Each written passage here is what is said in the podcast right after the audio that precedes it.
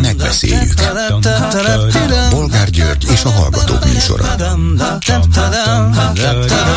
A műsor telefonszámai 061 387 84 52 és 061 387 84 53. Jó napot kívánok a Klubrádió mikrofonjánál Bolgár György.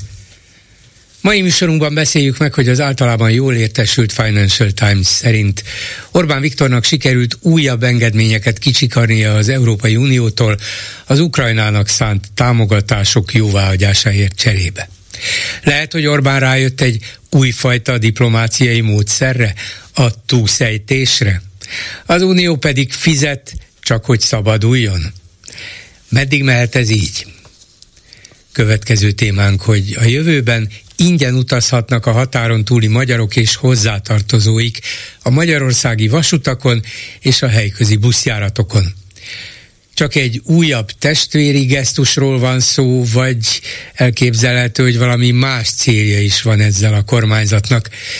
De vajon a határon túlian, túliak mennyien fognak élni ezzel az új lehetőséggel? Mit szólnak ezen kívül ahhoz, hogy a magyar kormány 300 milliárd forintot hajlandó költeni a Rákos rendezőre elképzelt úgynevezett mini Dubaj városrész infrastruktúrális fejlesztésére, amely állítólag 2000 milliárdos beruházást hozna a területre. Ehhez képest a Lánchíd felújításának 6 milliárdos államilag vagy a kormány által megígért részét még mindig nem fizették ki. Szóval 6 milliárd az, az sok, azt nem érdemli meg a főváros, de az a beruházás, amit mi hozunk ide, egy messzi arab tőkéstől, beruházótól, az megéri a 300 milliárd forintnyi közpénzt is. Hogy van ez? Mit gondolnak aztán ezzel kapcsolatban is arról, hogy a levegő munkacsoport vezetője szerint nemhogy mini Dubajt, de a létfontosságú dolgokon kívül semmit nem volna szabad építeni Magyarországon, mert a környezetünk már amúgy is tönkre van téve. Elég radikális követelés ez, még az is lehet, hogy nagyon kevesen osztják ugyanezt a világban, zöldek és még zöldebbek, de nem abszurd elképzelés, hiszen annyi minden van, ami helyett jobbat, környezetbarátabbat lehetne és kellene is építeni, hogy nem értem, mi az a létfontosságú. És végül beszéljük meg, hogy a demokratikus koalíció szerint nem szabad beengedni az országba az unión kívülről érkező vendégmunkásokat. Ezt be kellene tiltani, mondja a DK, és ha a kormányra jutnak, meg is teszik ezt. Jól halljuk? És helyes lenne. Telefonszámaink még egyszer 387 84 52 és 387 84 53. Háló, jó napot kívánok! Jó napot kívánok, Tamás vagyok, bolgár úr, találkoztam már személyesen is a stúdióba korábban.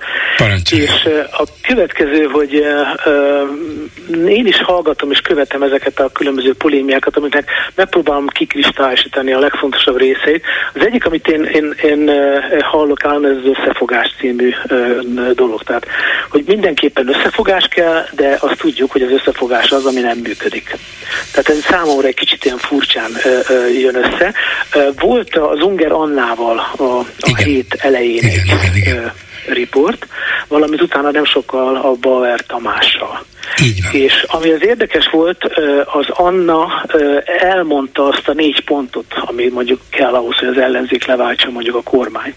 De egy dolgot nem tett hozzá, hogy ebben a jelenlegi helyzetben, ha nincs a demokráciának meg az a lehetősége, hogy valójában mint demokrácia működjön, akkor ez egész értelmetlen.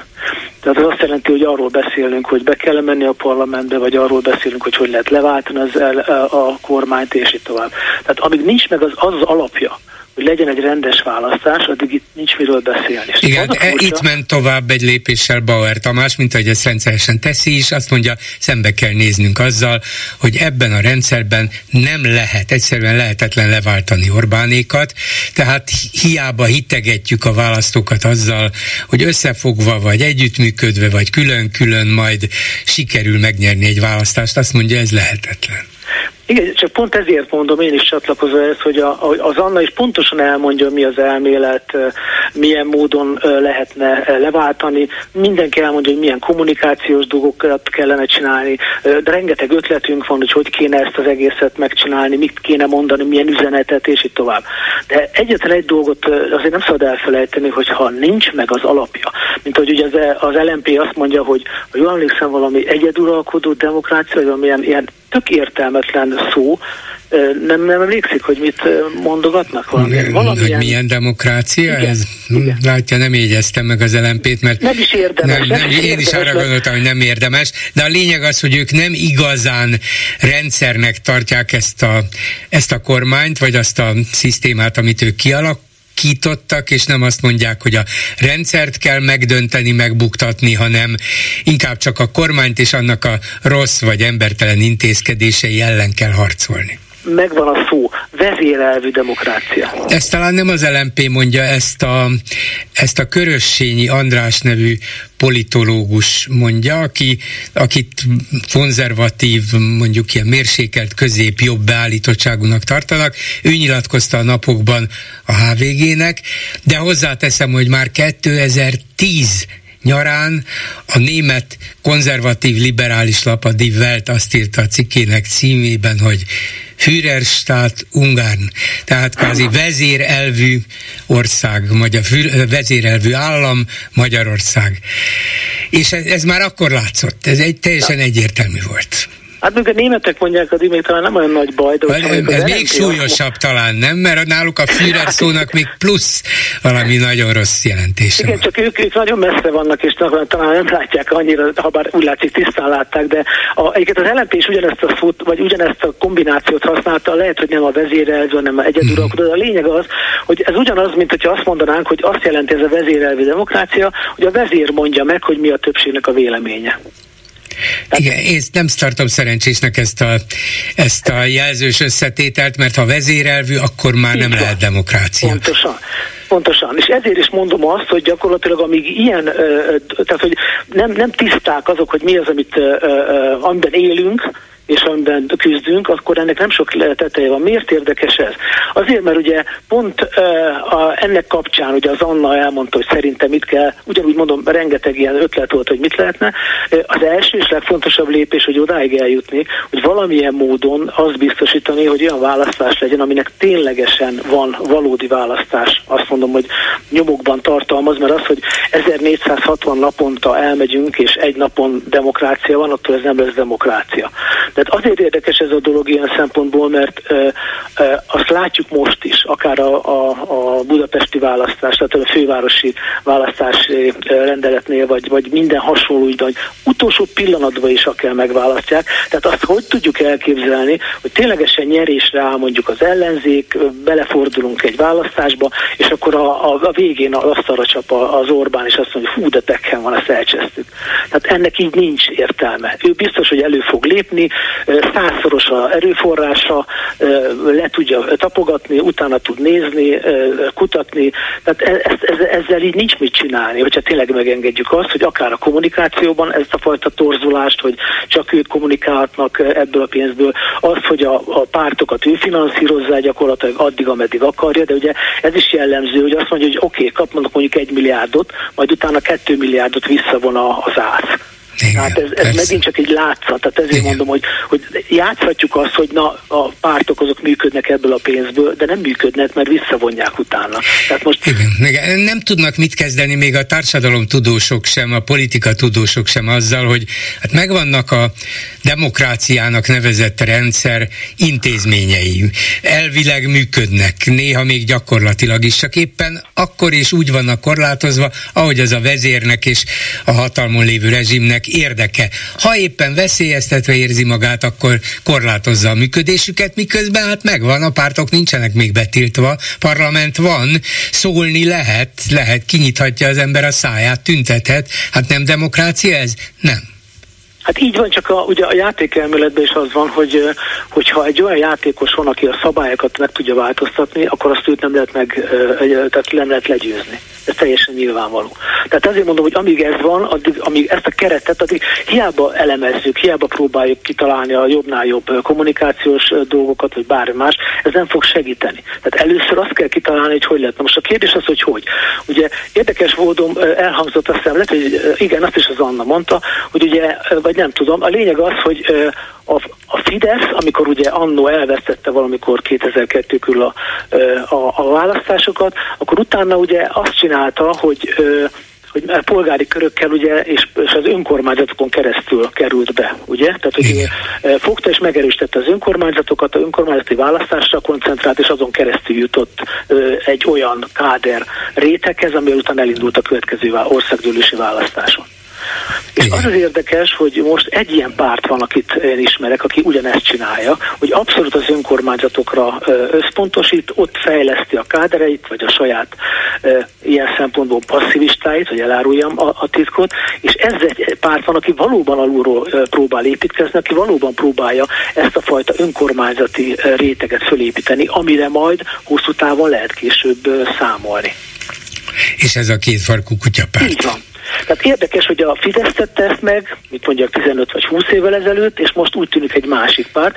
És ez azért érdekes számomra kizárólag, mert én azt gondolom, hogy itt egyetlen egy dolog van, ami fontos, az az, az hogy nem, nem kell vitatkozni azon mondjuk, hogy DK van, mondjuk a Gyurcsány van, vagy nincs, meg stb. El kell fogadnunk, hogy vannak, akik abszolút lojálisak, és van egy nagyon kemény tors, vagy törzs réteg, amelyik törzs választók, akik biztos, hogy hozzájuk mennek. Ezekkel nem szabad foglalkozni. Amivel igazán érdemes foglalkozni, az a, az én állításom szerint az az úgynevezett harmadik harmad. Az a harmadik harmad, ugye az egyik harmad az a, a Fidesz, a törzs fideszesek, a másik a törzs ellenzéki választók, a harmadik pedig az a harmadik harmad, aki néha elmegy, néha nem, nem tudja, bizonytalan, tehát a, mindenki más.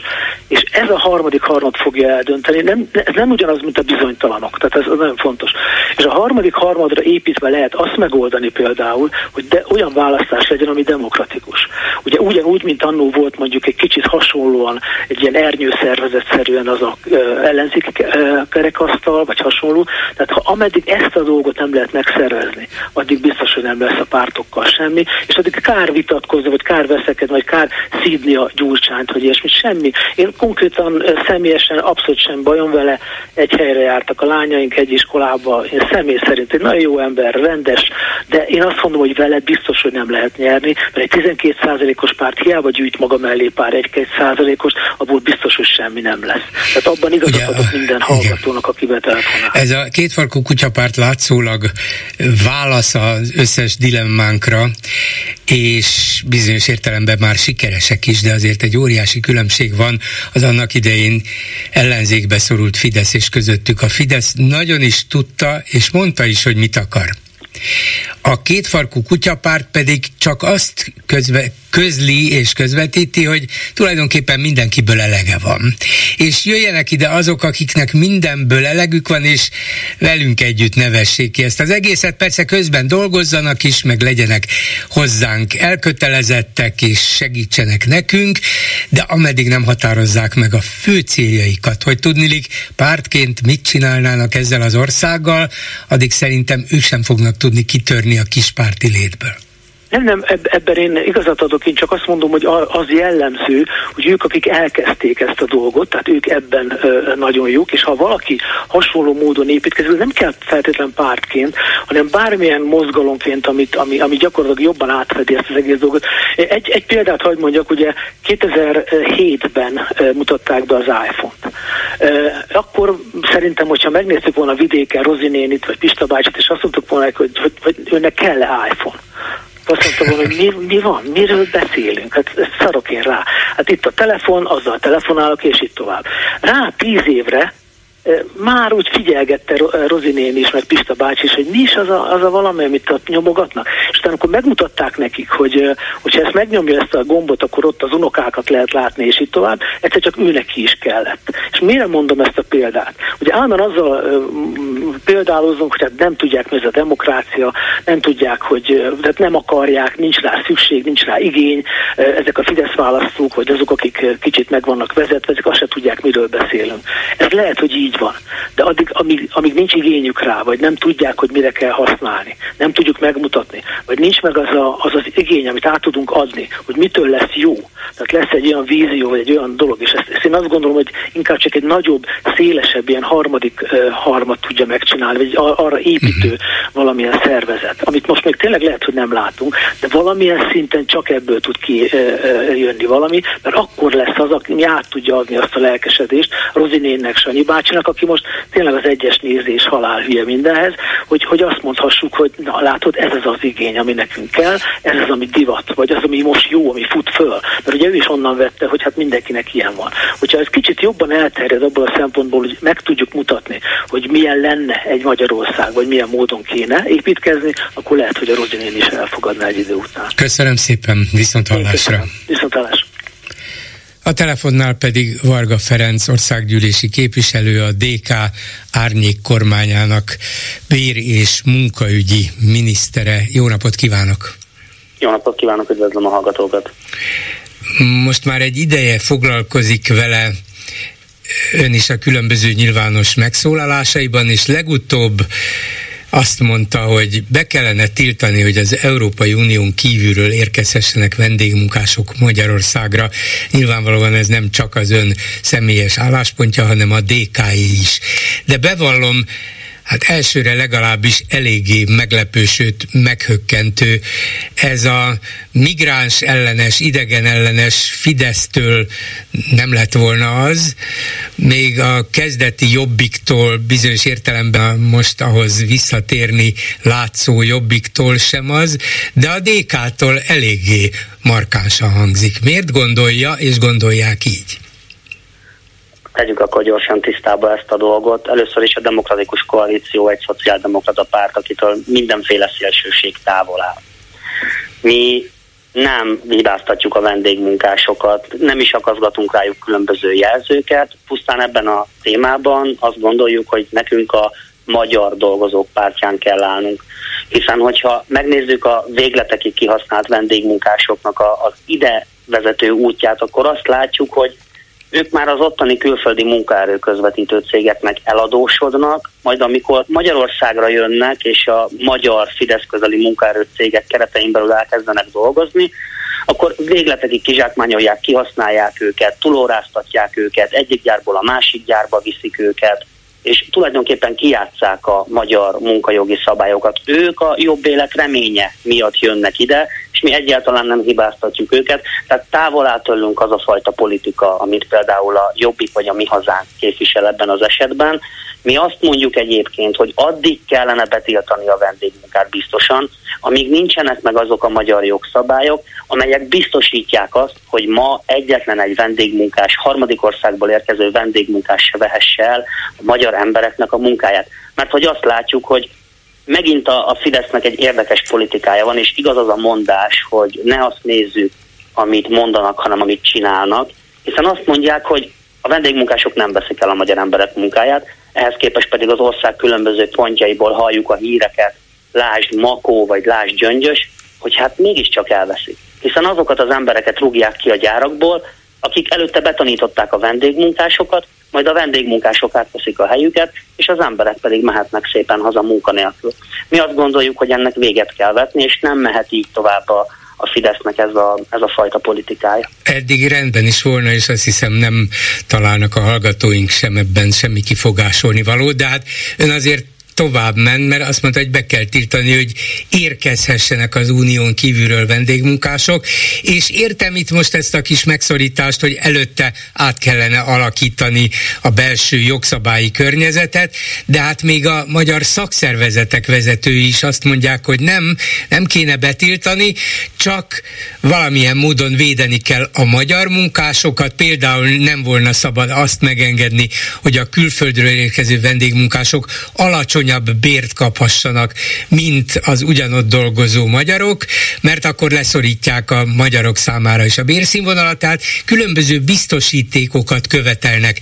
Nem volna ez elég, és közben még mondhatják a Fideszre, hogy össze-vissza hazudozik, ami tény és való, és, és megvezeti a magyar társadalmat, de közben hát mégiscsak Bocsánat, a, az észszerűség... Ezek a biztosítékok ma nincsenek. Hát de ezt miért nem ezt követelik, hogy ezeket tessék megteremteni, mert különben az egész egy gyalázat.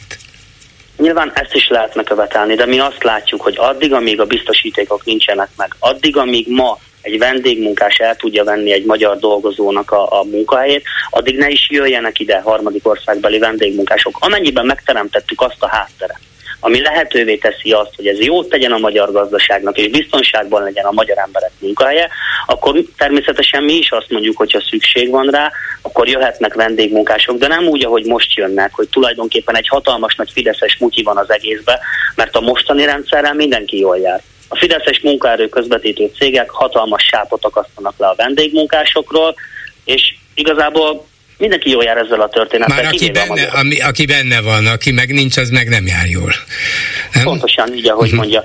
Nekünk egyébként erre kész programunk van. Tehát mi, mi azt mondjuk, hogy elsősorban, és hát ez is nagyon érdekes, hogy a magát nemzetinek mondó kormány miért nem azt a több százezer külföldre vándorolt magyar munkaerőt próbálja meg megszólítani, aki elment különböző megélhetési okokból. Ők mondják magukat nemzetinek, közben pedig nem is számítanak a hazatérő magyaroknak a munkájára. Mi pedig azt gondoljuk, hogy elsősorban vonzó bérkörnyezetet kell teremteni ahhoz, hogy ezek az emberek hazajöjjenek. De hagyj idézem például a GK-nak is a, az egyik cikkét, amiben szintén leírták, hogy voltak éppen nem is olyan biztos, hogy nekünk ilyen nagy számban szükségünk volna vendégmunkásokra, csak a, a kormánynak meg kellene próbálni például az inaktívak körében mozgatni a munkaerőt, vagy, vagy a hazatérő magyarok munkájára számítani, és ehhez képest olyan silány próbálkozásokat látunk, mint például a hazaváró irodák, ami, ami elképesztő, hogy, hogy ezzel akarja a Fidesz hazacsábítani a magyarokat. Hát igen, nevetséges a dolog, de mondjuk ez inkább az én szakmámba tartozik. Nyilván önöket is segítik különböző kommunikációs szakemberek, hogy hogy fogalmazzák meg a közleményeiket, vagy követeléseiket, javaslataikat, de nem volna érdemes abba az irányba tovább menni, hogy csak akkor lehessen beengedni vendégmunkásokat, hogyha, és akkor megemlítenek egy-két-három feltételt, ha ezt előbb teljesíti a kormányt, mert csak akkor vannak védve a magyar munkavállalók, meg lehetne tenni egyéb javaslatokat is, hogy indítsanak. Hát, a kormány, a kormány az most is azt mondja egyébként, hogy csak annyi vendégmunkás jöhet ide, amennyi például a munkanélkülieknek a száma. Igen. Tehát ebben van maximalizálva a vendégmunkásoknak a száma. És ami nagyon érdekes, hogy néhány nappal ezelőtt például a Szomba Sándor államtitkár úr azt mondta, hogy 120 ezer EU kívüli vendégmunkás van már Magyarországon. Miközben 80 ezer. A KSH-nak az adatait, akkor azt látjuk, hogy 2023 harmadik negyedévében 80 ezer üres hazai álláshely volt a 80 ezer, meg a 120 ezer az nagyon nem ugyanaz Abszolút a szám. Már is azt látjuk, hogy a Fidesz a saját törvényét nem tartja be a vendégmunkásokkal kapcsolatban. És szerintem mögött egyébként egy hosszú távú politika áll, ami, ami nem szól másról, csak arról, hogy a, a kormány szövetséget kötött a nagyvállalatokkal és a, a nagy tőkével, és sajnos ők a versenyképességünknek az alapját, azt az alacsonyan fizetett, nyomorban tartott munkaerőre alapozták, filéres adókkal, milliárdos állami támogatókkal hoztak az országba olyan külföldi nagyvállalatokat, ugye most már látjuk, hogy kínai cégeket, akik, akik gyakorlatilag ebből profitáltak. Az biztos, hogy önöknek igazuk van abban, hogy ez a kormány össze-vissza beszél, hazudik, tényleg a rebben. És bocsánat, azt még azért hagyd tegyem hozzá, hogy nézzük meg szemben a magyar dolgozók helyzetét. A, a bérünket számtalan adóval és járulékkal sújtják, a minimálbér nálunk a legalacsonyabb, és sajnos addig, amíg egy, egy vendégmunkás idejön dolgozni, és szállást és étkezést kap, a munkáltatójától, addig azt látjuk, hogy a, a magyar munkásnak ezt a saját béréből kell fizetnie. Én bér és munkaügyi árnyékminiszterként nagyon sokat járom az országot. Az elmúlt időszakban több településen is megfordultam. Számomra vérlázító az, hogy a nagy multicégek például milliárdos összegekből hatalmas nagy vendégmunkás szállókat építenek. Közben pedig ott vannak a magyar fiatalok, akik nem tudnak saját lakáshoz jutni. Vagy, vagy mi lenne, hogyha például azt a sok-sok milliárdot, amit most éppen a vendégmunkás szállókra költenek, azt valahogy például béremelésekre fordítanak.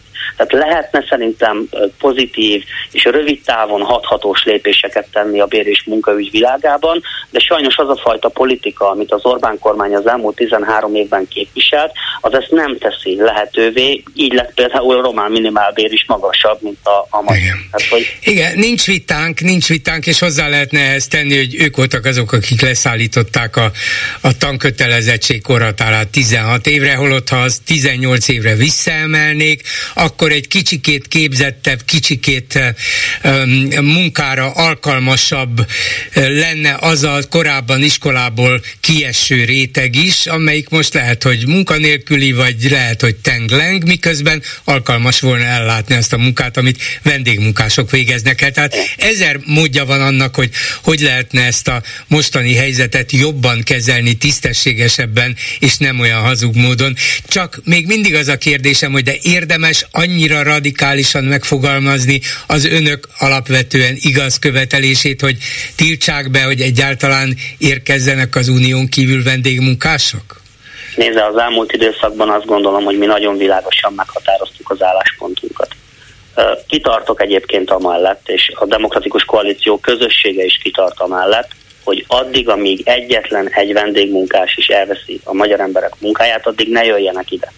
Ha megvannak az alapok, akkor természetesen meg lehet vizsgálni, hogy hogy mennyi vendégmunkás és hova jöhet, és erre nekünk megvan a programunk. Például, hogy csak olyan vállalati beruházásokat fogunk támogatni állami és uniós forrásokból, amelyek legalább 90%-ban magyar munkaerőt foglalkoztatnak. És nagyon fontos, hogy például a vendégmunkások azok feleljenek meg a, a jogszabályban előírt alkalmazási feltételeknek, vegyenek részt előzetes egészségügyi szűrésen, alkalmassági vizsgálaton, és a magyar dolgozókra vonatkozó munkavédelmi, meg munkaidőszabályok vonatkozzanak rájuk, és, és tulajdonképpen mindenben ugyanaz vonatkozzon egy vendégmunkásra, mint a magyar munkásra. Nem gondolják? Ha ezt el tudjuk érni, akkor nem fog előfordulni az, hogy egy vendégmunkás az egy profitorientált vállalat számára sokkal többet ér, mint egy magyar munkaerő. Hiszen azt látjuk, és látjuk azt, hogy nagyon sok munkaerő közvetítő cégnek már nyilatkozott ezzel kapcsolatban a vezetője, hogy sajnos a vendégmunkások bekerülve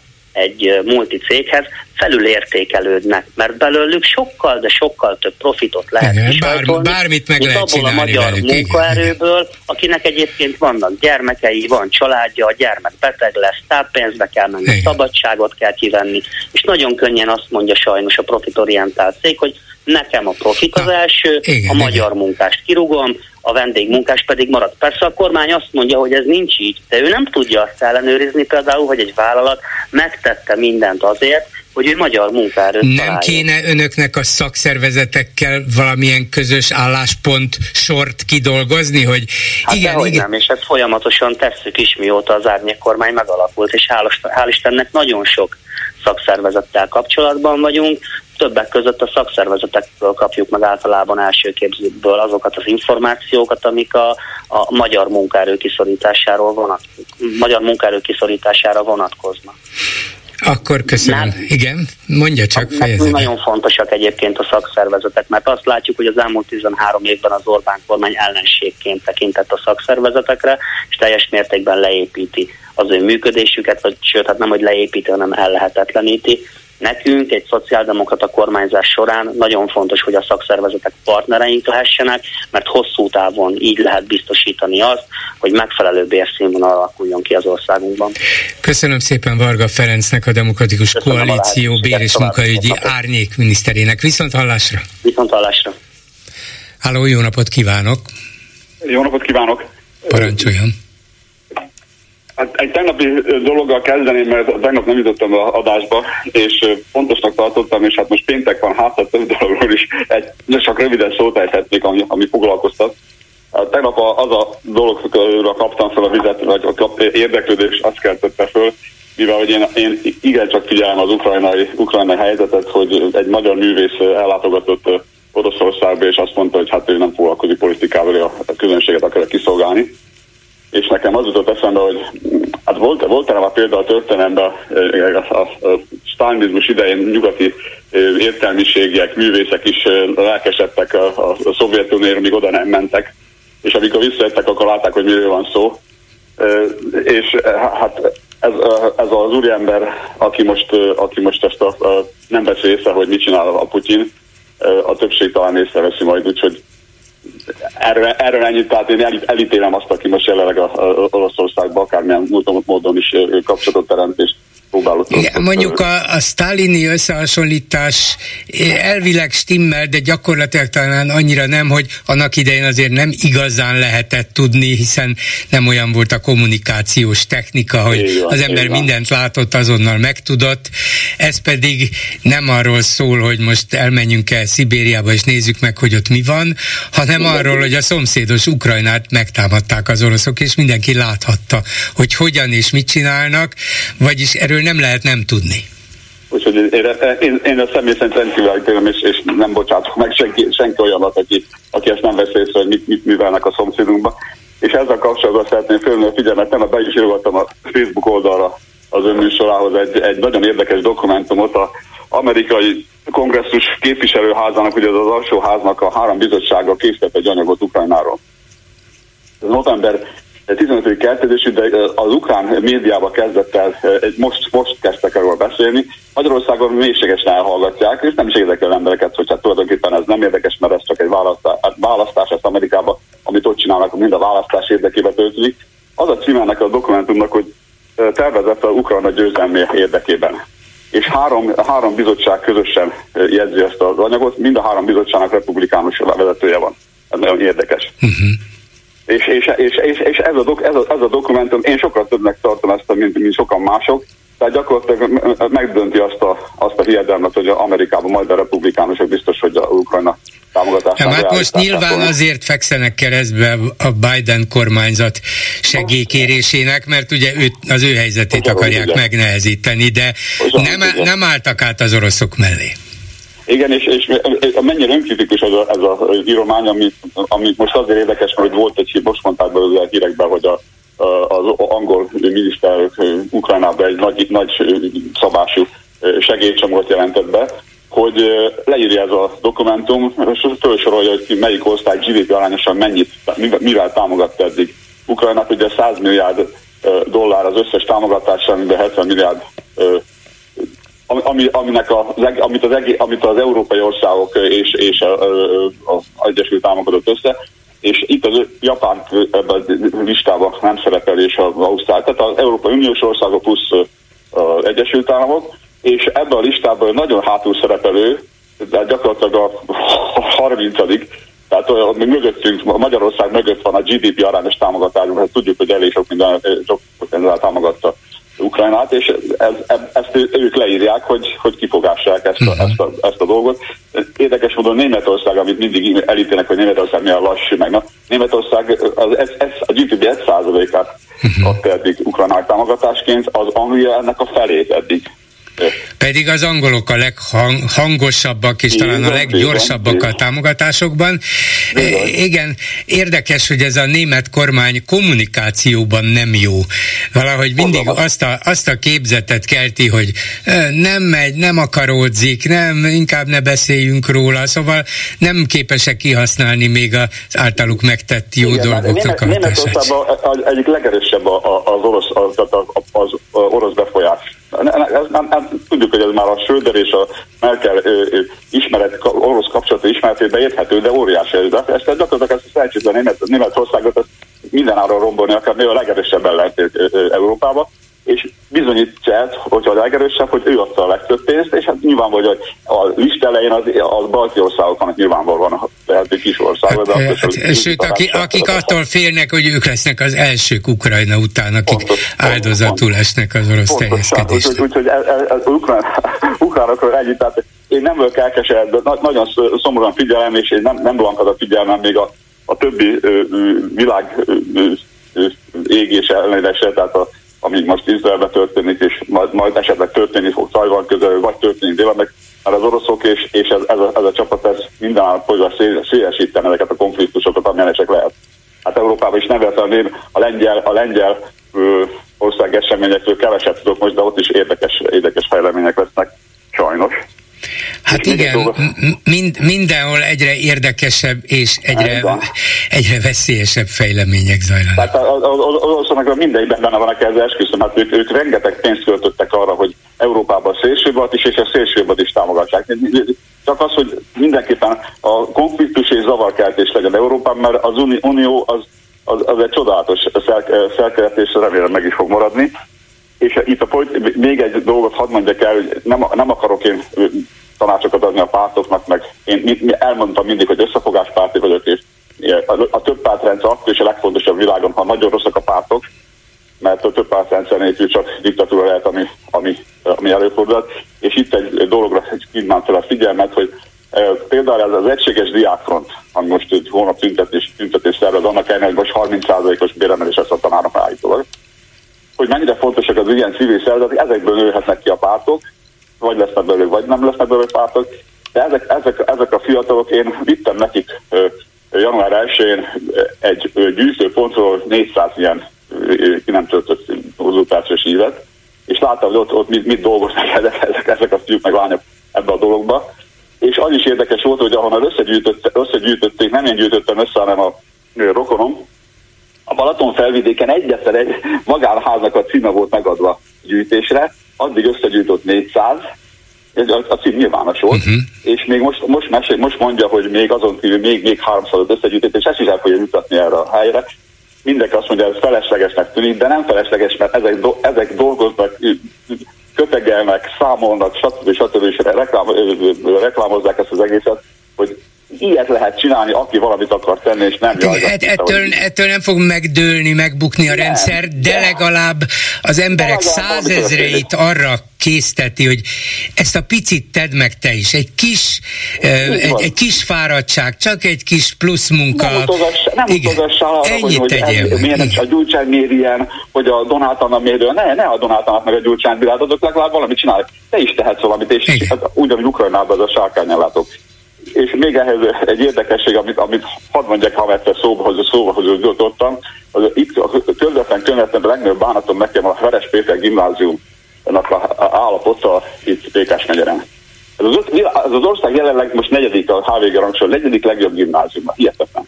És ennek a épülete van, amit a 80-as évek végén építettek, tehát akkor, akkori technológia szerint talán modernnek számított, de most egy csupa üveg, bázós, hideg, télen mhm. hideg, nyáron marha meleg nem lehet belőle tanítani.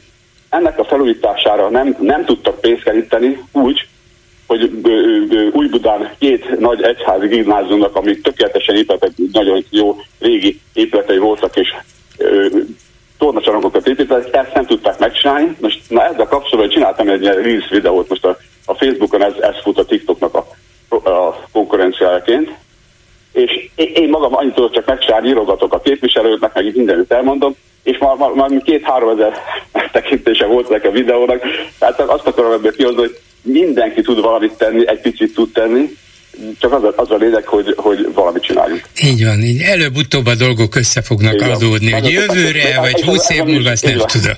Ez a, ez a műsor is nagyon sok mindent tud tenni, tehát én, én pozitívan látom ezt a, ezt a helyzetünket, annak ellenére, hogy, hogy egyre, egyre erőteljesebben folyik az ország, az országnak elterelése. Köszönöm szépen, Köszönöm viszont hallásra. A vonalban pedig Dés László, szervusz. Szervusz, Gyuri. És csak azoknak mondom, akik esetleg nem tudnák, hogy zeneszerző, zenész, jazzzenész, előadó, művész, ki tudja mi vagy még, szóval mindenki ismer téged, és gondolom szeret is, még a kutyád is nem? Igen, igen, igen hát ő állandóan kommunikál. Igen. Helyes. No, itt már az előző hallgató szóba hozta azt, amit tegnap felvetettem, és csak azoknak a hallgatóknak mondom, akik esetleg nem hallották tegnap, hogy meglepve hallottam, azt hiszem tegnap előtt egy másik rádióban a nagyszerű magyar jazzzongorista Sárik Péter nyilatkozatát, amiben többek között arról kérdezték, hogy nagy sikerű koncert körutat tett Oroszországban a múlt év végén, és ő lelkesen beszélt róla, hogy mekkora közönség volt, és igazán milyen élmény, és hogy örültek nekik. Biztos minden így van, és gratulálok is hozzá. De engem meghökkentett az első pillanatban is az, és azóta is meg vagyok hökkenve, hogy de hogy lehetett elmenni Oroszországba? Valamennyire rákérdezett a, a riporter, és erre azt mondta, hogy hát ez egy régi meghívás volt, és most felújították, és úgy döntöttek, hogy hát akkor nem foglalkoznak politikai kérdésekkel, hanem elmennek, mert ez a zenéről, a művészetről és a közönségről szól. Ilyen egyszerű volna, ez intézzük el ezzel? Hát nézd, ez nem egy könnyű kérdés. Nem, nem egy könnyű nem. kérdés. Fordítsuk meg mondjuk a dolgot, és gondoljuk el, hogy a szocialista Magyarországra, a kommunizmust építő Magyarországra az úgynevezett kerítés mögé ugye azért nem jön el mondjuk egy Rolling Stones, vagy azért nem jön el egy jazz zenekar, mert azt mondja, hogy egy olyan országban, ahol diktatúra van, vagy egy, nincs demokrácia, oda ő nem jön. Hát kit büntet meg? Hát biztos, hogy nem a Kádár János büntették meg, hanem a magyar közönséget büntették meg. Az igaz, hogy nálunk az bízik most már 14 éve, hogy aki a kormányt nem szereti, vagy a kormány ellen beszél, az gyakorlatilag hazaárulónak van bélyegezve. Magyarul a miniszterelnök és a kormány egyenlő Magyarországgal. Ezt tudjuk, hogy nem így van. Legalább fél Magyarországgal, de valószínűleg a nagyobb részével nem egyenlő, meg egyébként is, hát aki a Fideszet az, az, az se azt jelenti, hogy Magyarország, az azt jelenti, hogy egy pártra szavazott. Kész. Sennél többet nem jelent. Na most, ugye magyarul emlékszünk, hogy mekkora dolog volt, én emlékszem, hogy mondjuk a Miles Davis elment Varsóba. Az maga a forradalom volt.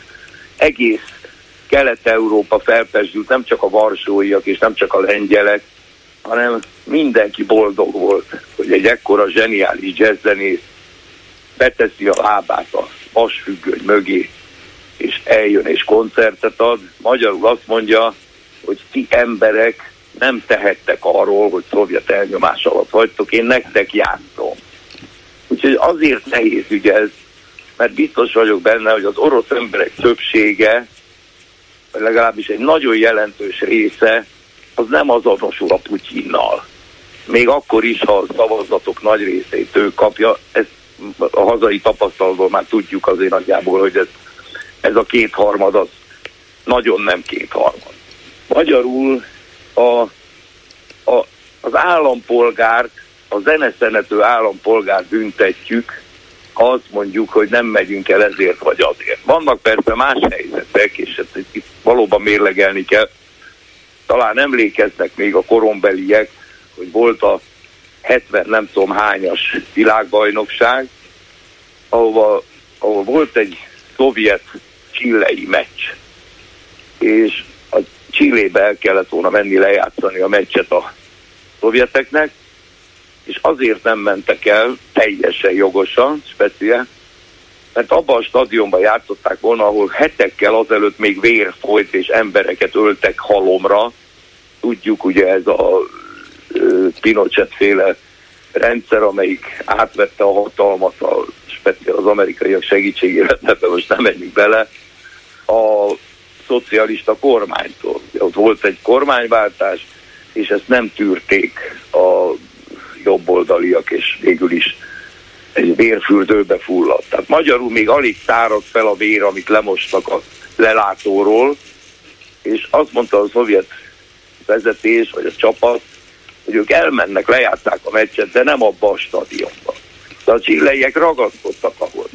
Így aztán nem mentek el, és a, fölállt a csillei csapat, berúgtak egy gólt, nem volt ellenfél.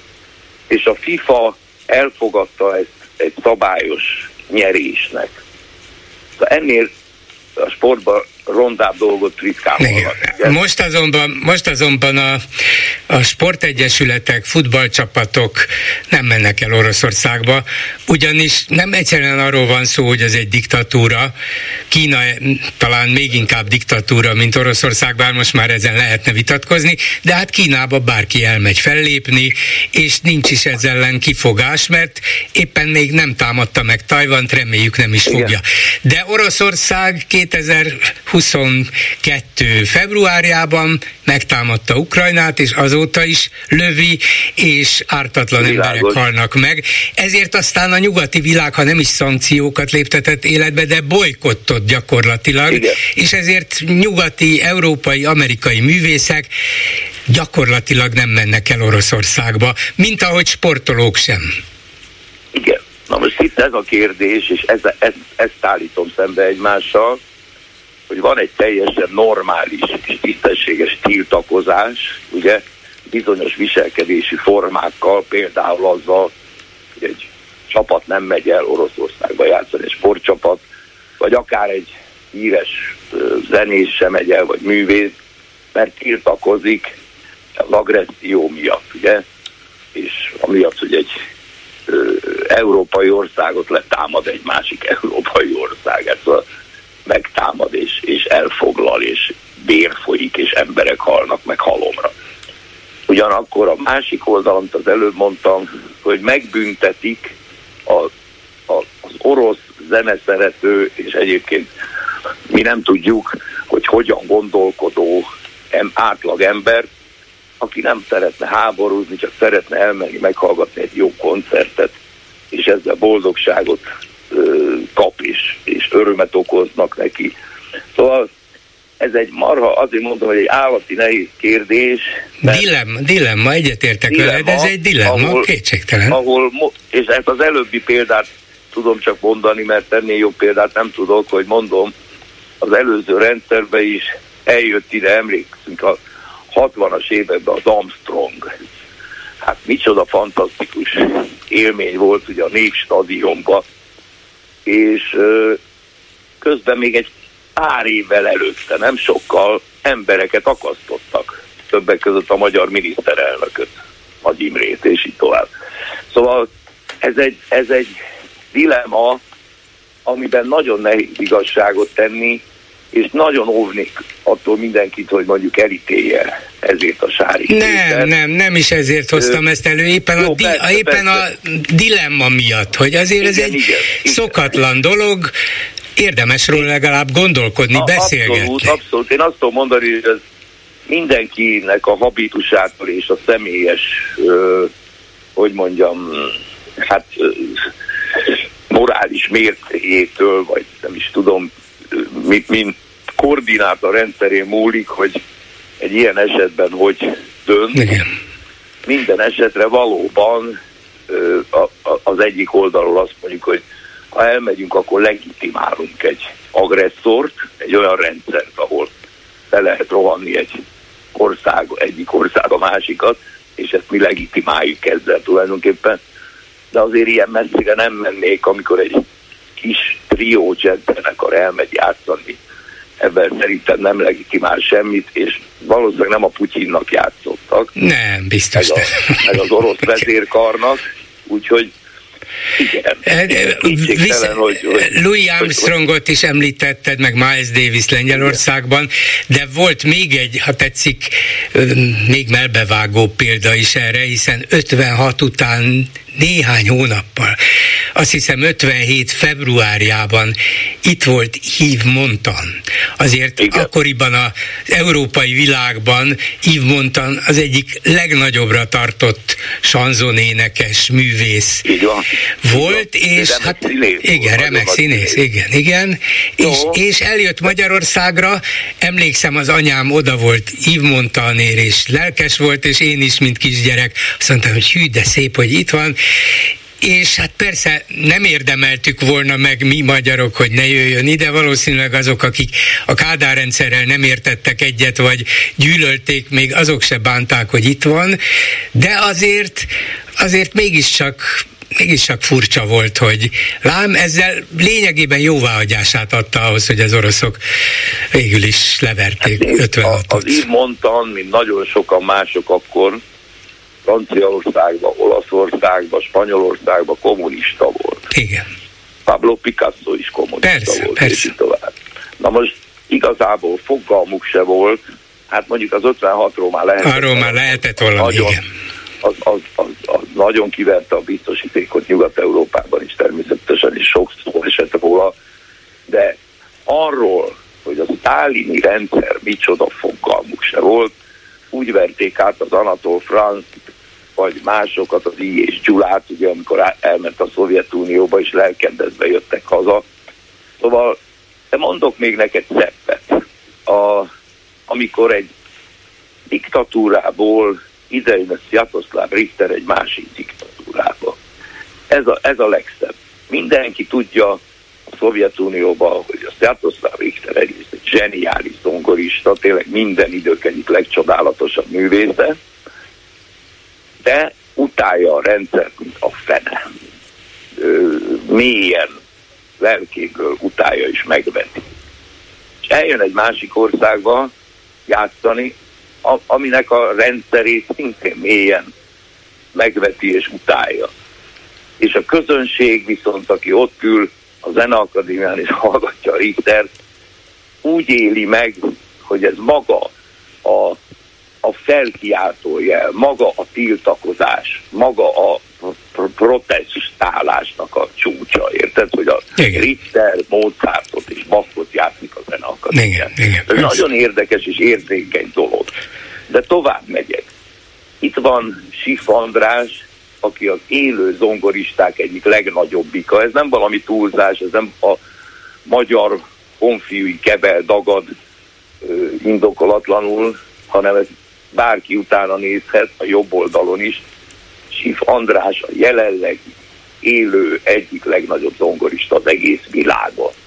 És ő úgy döntött politikai okok miatt, meg hát amiatt, ahogy beszéltek róla, ugye az ötös számú párt tagkönyv tulajdonosa szabályosan megírta, hogy nagyon sajnálja, hogy az őseit nem írtották ki a Sif Andrásnak, mert akkor már nem született volna meg szóval körülbelül ezen a szinten, hát nagyjából szó szerint ezt írta. Igen, az orgoványi erdő. Van, Igen. Orgovány, tehát hátborzongató náci beszéd és borzalmas kívánság, ez ugye egy, egy szörnyeteg, mondhat ilyet, egy belejéig romlott szörnyeteg, és egy idő után azt gondolta, hogy akkor a fenét fog ide jönni, és tiltakozásból sok-sok éve büntet minket a zeneszerető és Sif András szerető magyar közönséget. Ha hallani akarjuk, akkor legközelebb Bécsbe szoktunk menni, én néha elmegyek egy Sif koncertre, hát állítom neked több magyar van a koncerthausban, mint a mint osztrák hát, vagy német mutatja mert... dilemma súlyosságát és mélységét, szóval, akkor igen. Mond, mondok egy, egy dolgot, lehet, hogy ez lehet a vízválasztó. Azért az oroszok nem állnak meg félúton, hát remélem, hogy Ukrajnában azért sikerül őket megállítani negyed vagy ötöd úton, de a múlt év végén beterjesztettek az orosz parlamentben egy törvényjavaslatot, gondolom el fogják fogadni, amely szerint minden külföldinek, aki belép Oroszországba, lojalitási nyilatkozatot kell majd aláírnia, és ebben megfogadnia, hogy nem fogja aláásni a rendszer tekintélyét, nem vonja kétségbe annak autoritását, nem akarja őket lejáratni, nem fog LMBTQ propaganda propagandát folytatni, elismeri, hogy a, a nő az anya és a férfi az apa, Igen. és ezt mind alá kell írni, gondolom majd a művészeknek is. Ez már egy víz, akkor már nem lesz dilemma a dilemma? Akkor már nem dilemma. Ott nincs mese, akkor sajnos büntette az orosz zeneszerető közönség, vagy művészet szerető közönség, mert ha a saját elveimet kell megtagadnom ahhoz, hogy én oda menjek, és ezt deklarálnom kell egy papír aláírásával az természetesen túlmegy minden határon, ezt nem teheti meg az ember, ezt nem lehet megtenni. Igen, sajnos. Ez egy ördögi ötlet, de hát természetesen, mint általában minden diktátor azért alapvetően a saját népét bünteti. Nem csak ezzel, hanem minden mással. Köszönöm szépen Dés Lászlónak. Örülök, hogy beszéltünk. Szervusz! Szervusz! Háló, jó estét kívánok! Jó estét kívánok! Tessék, hallgatom. Azért telefonálok, mert hallgattam azt a hallgatót, aki beszélt a, a vendégmunkásokkal kapcsolatos felvetésekről, és hogy egy nemzeti kormánynak mi lenne a feladata a munkaerővédelmében, a gazdaságfejlesztés érdekében, milyen feladatai lennének, hogyan kéne ezeket a feladatokat. De ő, de ő egy országgyűlési képviselő volt a DK-tól. Igen, igen, igen, igen, bocsánat. Jó, elnézést. Egy bizonyos szempontból ő is hallgató. Ja, persze, remélem. Halmaz elméletileg lehet, hogy igazam van. De... Igen.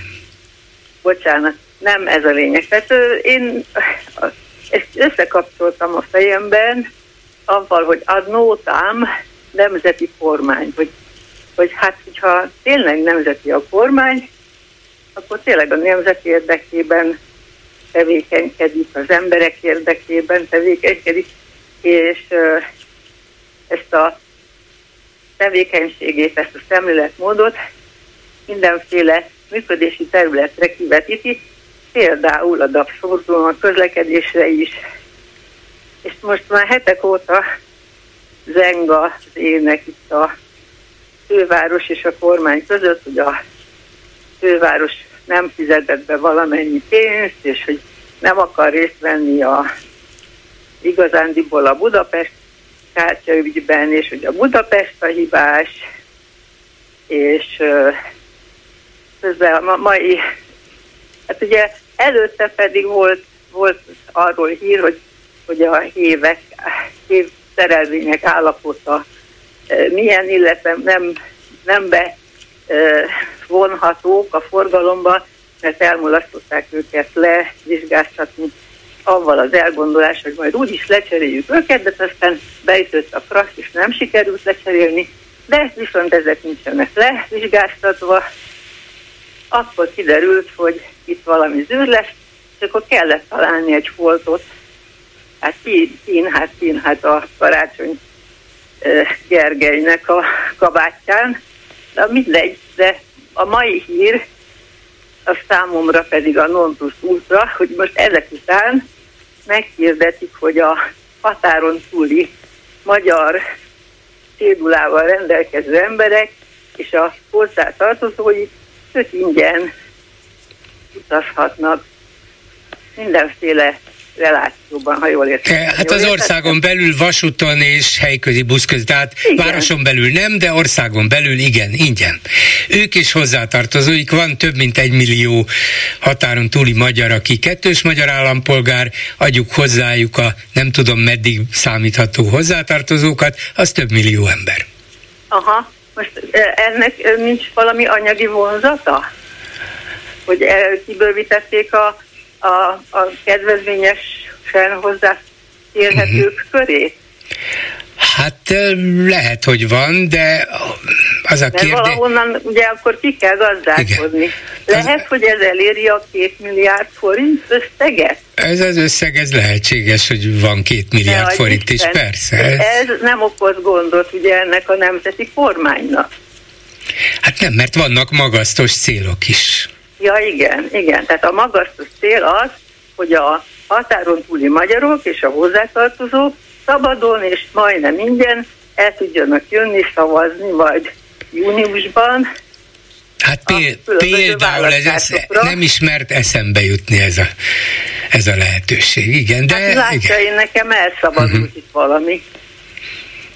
Igen, legalább országon belül ne kerüljön nekik pénzbe. Igen, igen, ez a gondoskodás. Tehát az a nemzeti kormány megesmertető jele, hogyha valaki nem az országért dolgozik és adózik, igen rendesen, mint a birka, hanem külföldről igénybe vesz ingyen szolgáltatásokat, de az mondjuk jó a nemzeti kormánynak, akkor, akkor hát ez volt a lényeg. Ide akartunk lyukadni. Uh-huh. Ez a Ez a fontos.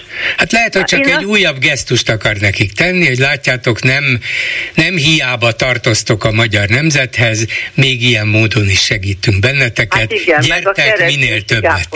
még védelme, hát világos. Igen. Azt, azt se felejtsük.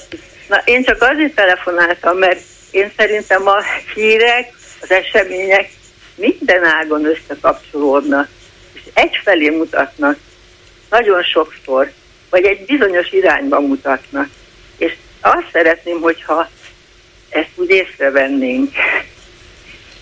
Hát igye, nem, nem tudom, hogy ezzel sikerült-e hozzájárulnom, de a hozzászólásomnak ennyi volt a célja. Köszönöm szépen. Viszont hallásra. Viszont hallásra. A vonalban pedig Demszki Gábor Budapest volt főpolgármestere. Jó estét kívánok! Jó napot, köszöntöm a hallgatókat és téged is.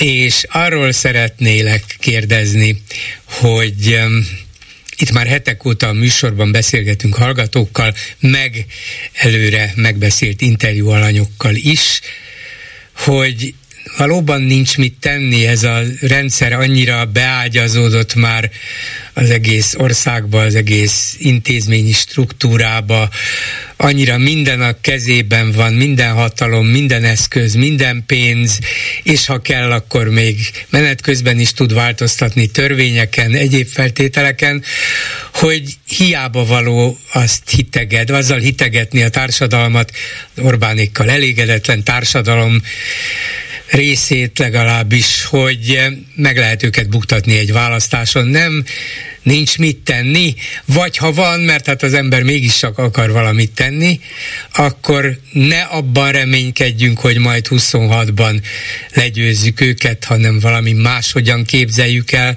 ezt a munkát. Hát én ezzel egyáltalán nem értek egyet, és nem is hiszem, hogy ez a közvélekedés, ez inkább egyfajta letargia amit hallottam. Úgy gondolom, hogy ha ezt elfogadjuk, akkor ezt a rendszert szolgáljuk, tehát akkor ez valóban felmarad. Én úgy gondolom, hogy most, mivel készülünk már az önkormányzati és ezzel egy időben az Európa Parlamenti választásra is, megnyílik egy óriási lehetőség, nem a rendszerváltásra, de mindenképpen annak az előkészítésére, és hozzátenném, hogy Budapestnek ebben meghatározó döntő szerepe lesz, mint ahogy volt eddig mindig a történelemben. És most egy nagyon speciális helyzet van, nevezetesen az ilyen nem volt még, hogy önkormányzati választás egy időben van az Európa Parlamenti választással, és így a főpolgármester, aki elindul, és szerintem eséllyel indul el, a következő, nagyon-nagyon jó eséllyel indul el a következő főpolgármester választáson, ő egyszerre, ha valamilyen formában meg teremti a lehetőségét ennek nem csak a saját pártja, akkor lehet európai szintű politikus is, tehát benne lehet az európai kampányban, uniós parlamenti kampányban, és így tulajdonképpen ez a szint megemelkedik, európai szintre emelkedik, és Magyarországnak lesz egy másik arca. Hogy lehet, hogy, hogy tudja ezt megcsinálni? Hát ezt én megcsináltam, tehát én, én voltam Emlékszem, hogy voltál SDS lista vezető, és bejutottál igen, az jó eredményt értünk el, igen, 8%-ot a Szabad Demokraták Szövetsége, akkor is lettem is rövid ideig Európa Parlamenti képviselő. De nem is azt a helyzetet modellálnám most. Én azt gondolom most, hogy természetesen a legfontosabb az, hogy hogy Budapesten az ellenzék megőrizze a pozícióit, és karácsonyt újra válaszák, és az ellenzék kerületi polgármestereket is újra válaszák, de léphetünk egy szintet előre, akkor, hogyha ezt kombináljuk azzal, hogy ő az uniós választáson is valamilyen formában elindul, megjelenik, hiszen Budapest főpolgármester az egy európai szintű politikus. Úgy jegyzik, hiszen egy világváros közvetlenül választott polgármester. Szóval Tehát azt én, mondod, ez... hogy hogy eh, ezt, vegyük ezt egészen ténybeli vagy tényszerű javaslatnak, hogy Karácsony Gergely ne csak főpolgármester jelöltként, hanem egy európai parlamenti listán is vezetőként induljon el, ha egyáltalán Én ez megtehető. Ezt tenném, mint ahogy ezt tettem, és ez részben sikeres volt, tehát Európa parlamenti mandátumot is szereztem, de most még inkább szükség van erre, tehát itt van egy rezsim, ami, ami, ami tulajdonképpen Európa kiközösít és megvet az orosz barátsága miatt, és akkor ezzel szemben megjelenne egy másik arc európai szinten, aki teljesen az ellentéte az autokratikus rendszernek, egy liberális demokrata zöld, akár hogy leírható ez ideológiailag, az ellenpont, a másik arc, a tiszta arc, a választható arc. Én úgy gondolom, hogy óriási lehetőség van a mostani választásban. Akkor viszont az európai választásokon is egy egységes, demokratikus ellenzéki listát kellene állítani, mondjuk Karácsony Gergely vezetésével? Én örülnék ennek, de nem ez az egyetlen lehetőség, ha nem egységes lista van, hanem ő a saját pártjának a jelöltjeként, vagy több párt jelöltjeként megjelenik, akkor is jó ez. Tehát én technikailag ezt a dolgot persze nem modelleztem, hanem pusztán azt mondom, hogy ez szerencsés, ez az mhm. egybeesés Budapest, Budapest főpolgármestere szempontjából, akinek mindig a hivatalban lévő polgármesternek van mindig a legtöbb esélye. Tehát messze-messze megelőzi a, a kihívóit, ezt nem veszik figyelembe a közvéleménykutatók, a, azért, mert mondjuk olyan 90% körül van az ismertség. Az enyém is annyi volt. És mindig nyertem. Amikor elindultam, nyertem. Ugyanez van most Karácsony Gergővel, hogy a többieknek az ismertség olyan 20-30% körül lehet, tehát mire befejeződik a kampány, lesz 60. Tehát ő jó eséllyel nyer, de én nem lennék akkor elégedett, ha csak ezt nyerné meg. Uh-huh. Hát ez egy érdekes új szempont, bevallom, ezt még nem hallottam senkitől, miközben tartalmilag van benne valami abszolút magától értetődő, hogy igen, ő egy európai politikus Magyarországon, európai az ideológiája, európai a gondolkodásmódja, Budapest közel áll Európához, és olyan fajta Budapestet szeretne, amelyik Európában igenis komoly szerepet tud játszani. Tehát minden megvolna ahhoz, hogy ezt meg lehessen csinálni, csinálni, de nincsen meg az a veszély, hogy a választó egyszer csak elkezdeni, elkezdeni vakarni a fejét, hogy hát most akkor mit akar karácsony? Marad főpolgármester itt és velünk törődik, vagy bemegy az Európai Parlamentbe? Ez kommunikáció kérdése. Tehát ő neki mindig az el, a budapesti elkötelezettségét, Budapest ügyeit kell hangsúlyozni. Például én azt gondolom, hogy neki most azzal kellene előállnia, bevinni a fővárosi közgyűlés elé egy négy éves tervet, hogy a következő négy évben röviden mondom, mit csináljunk, mit fogunk csinálni, ezzel kampányolni, tehát az abszolút elkötelezettsége marad Budapest mellett, de azt mondja, hogy Budapest érdekét akkor lehet a legjobban képviselni, hogy én ezt az Európai Parlamentben is teszem. Na most ha választani kell a kettő között, akkor azért jelezni kell, hogy a Budapest a fontos, mint ahogy én is. Amikor választanom kellett, akkor visszajöttem Budapestre, és újra megnyertem a következő választást. De azt lehet Tehát mondani, én... hogy az általam vezetett lista viszont azt képviseli majd Brüsszelben, amit mi, meg a budapestiek szeretnénk, és ami nekünk jó az európai polgárok, akik elkötelezettek azok iránt az értékek iránt, amelyeknek az alapján az Európai Unió létrejött szemben, és akkor el lehet mondani minden Orbán Viktor rendszeréről, amelyik egyáltalán nem veszi figyelembe ennek a rendszernek az alapelveit, szembe megy velük, emiatt elapadtak a források. Ennek is egy döntő mozzanatnak kell lennie. Mi mindentől estünk el. Már a rezsim miatt, Orbán Viktor miatt. Ezt el kellene mondani.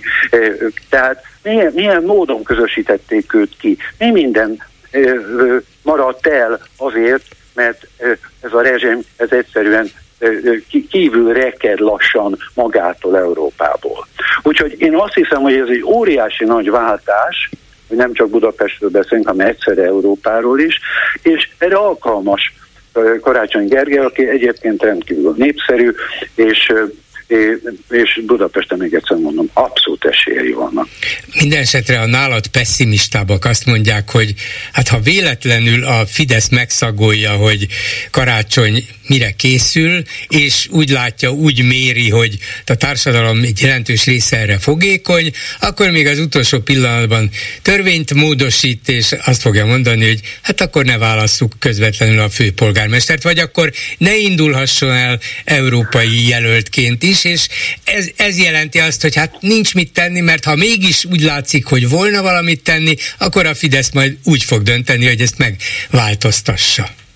Igen, hát én 8 választáson indultam, 8 nyertem, egyszer se veszítettem, és mindig az optimista forgatókönyvből indultam ki, és azt valósítottam meg. Tehát én nem tudok így gondolkodni, hogy én úgy gondolom, hogy ezt meg kell játszani, ezt az esélyt, ha nem fog sikerülni, akkor ő csak Budapest főpolgármestere marad.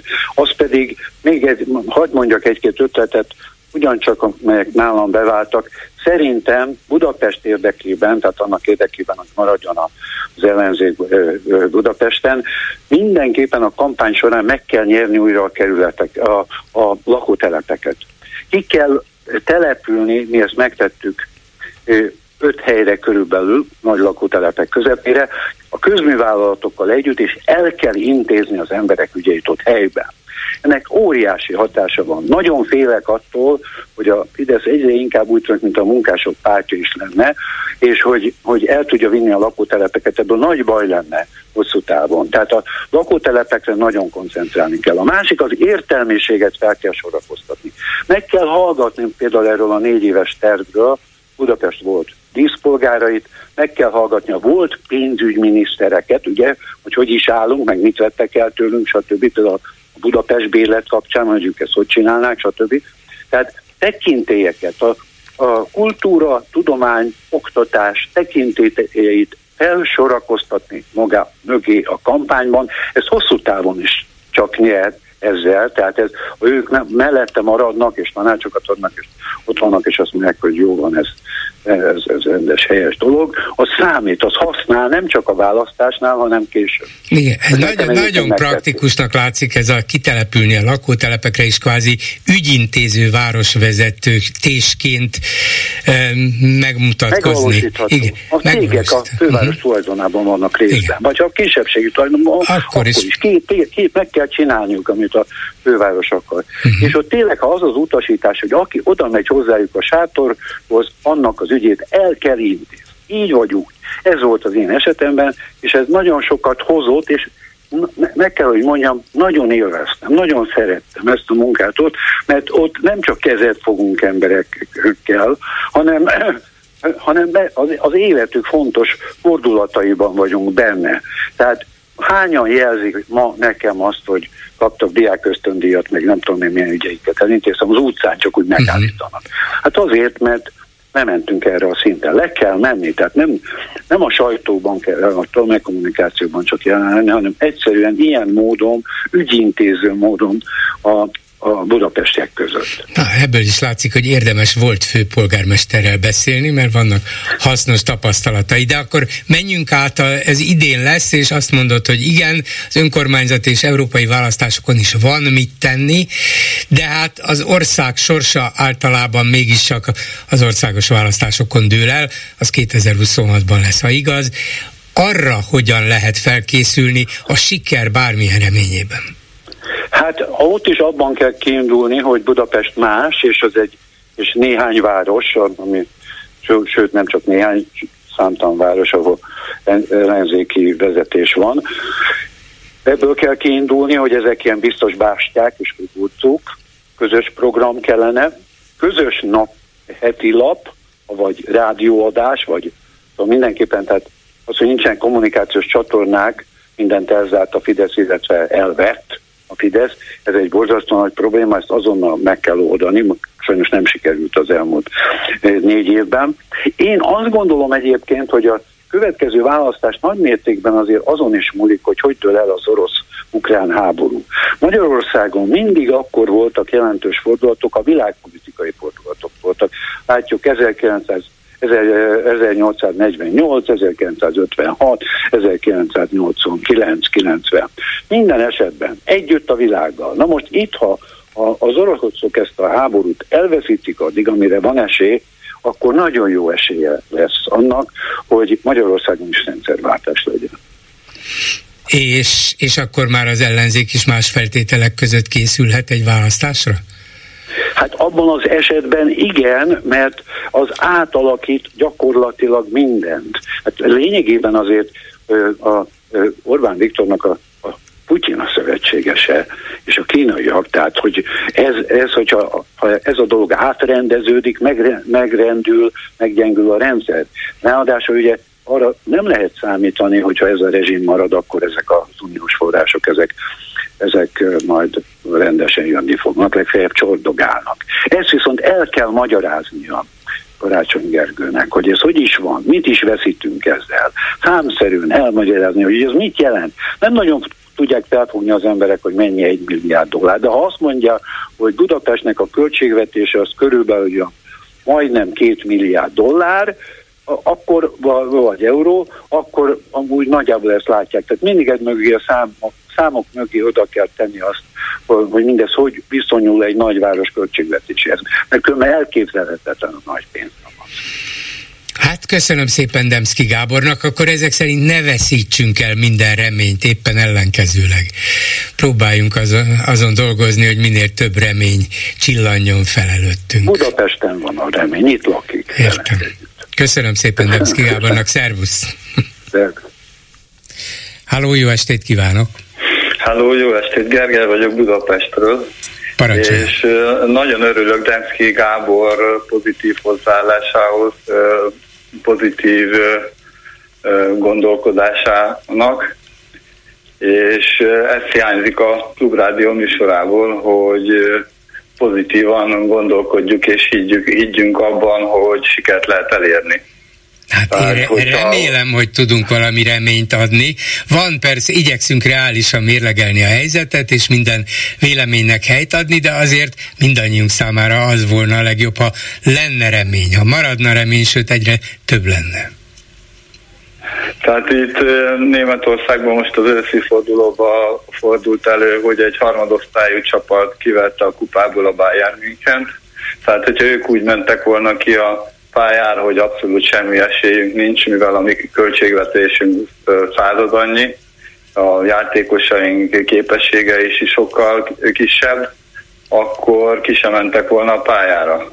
Viszont így, hogy kidolgoztak egy megfelelő taktikát, és azt betartották, így csodát tudtak tenni. Tehát nem minden csak azon múlik, hogy milyen esélyek, milyen esélyek vannak. Igen. Ez, ez igaz.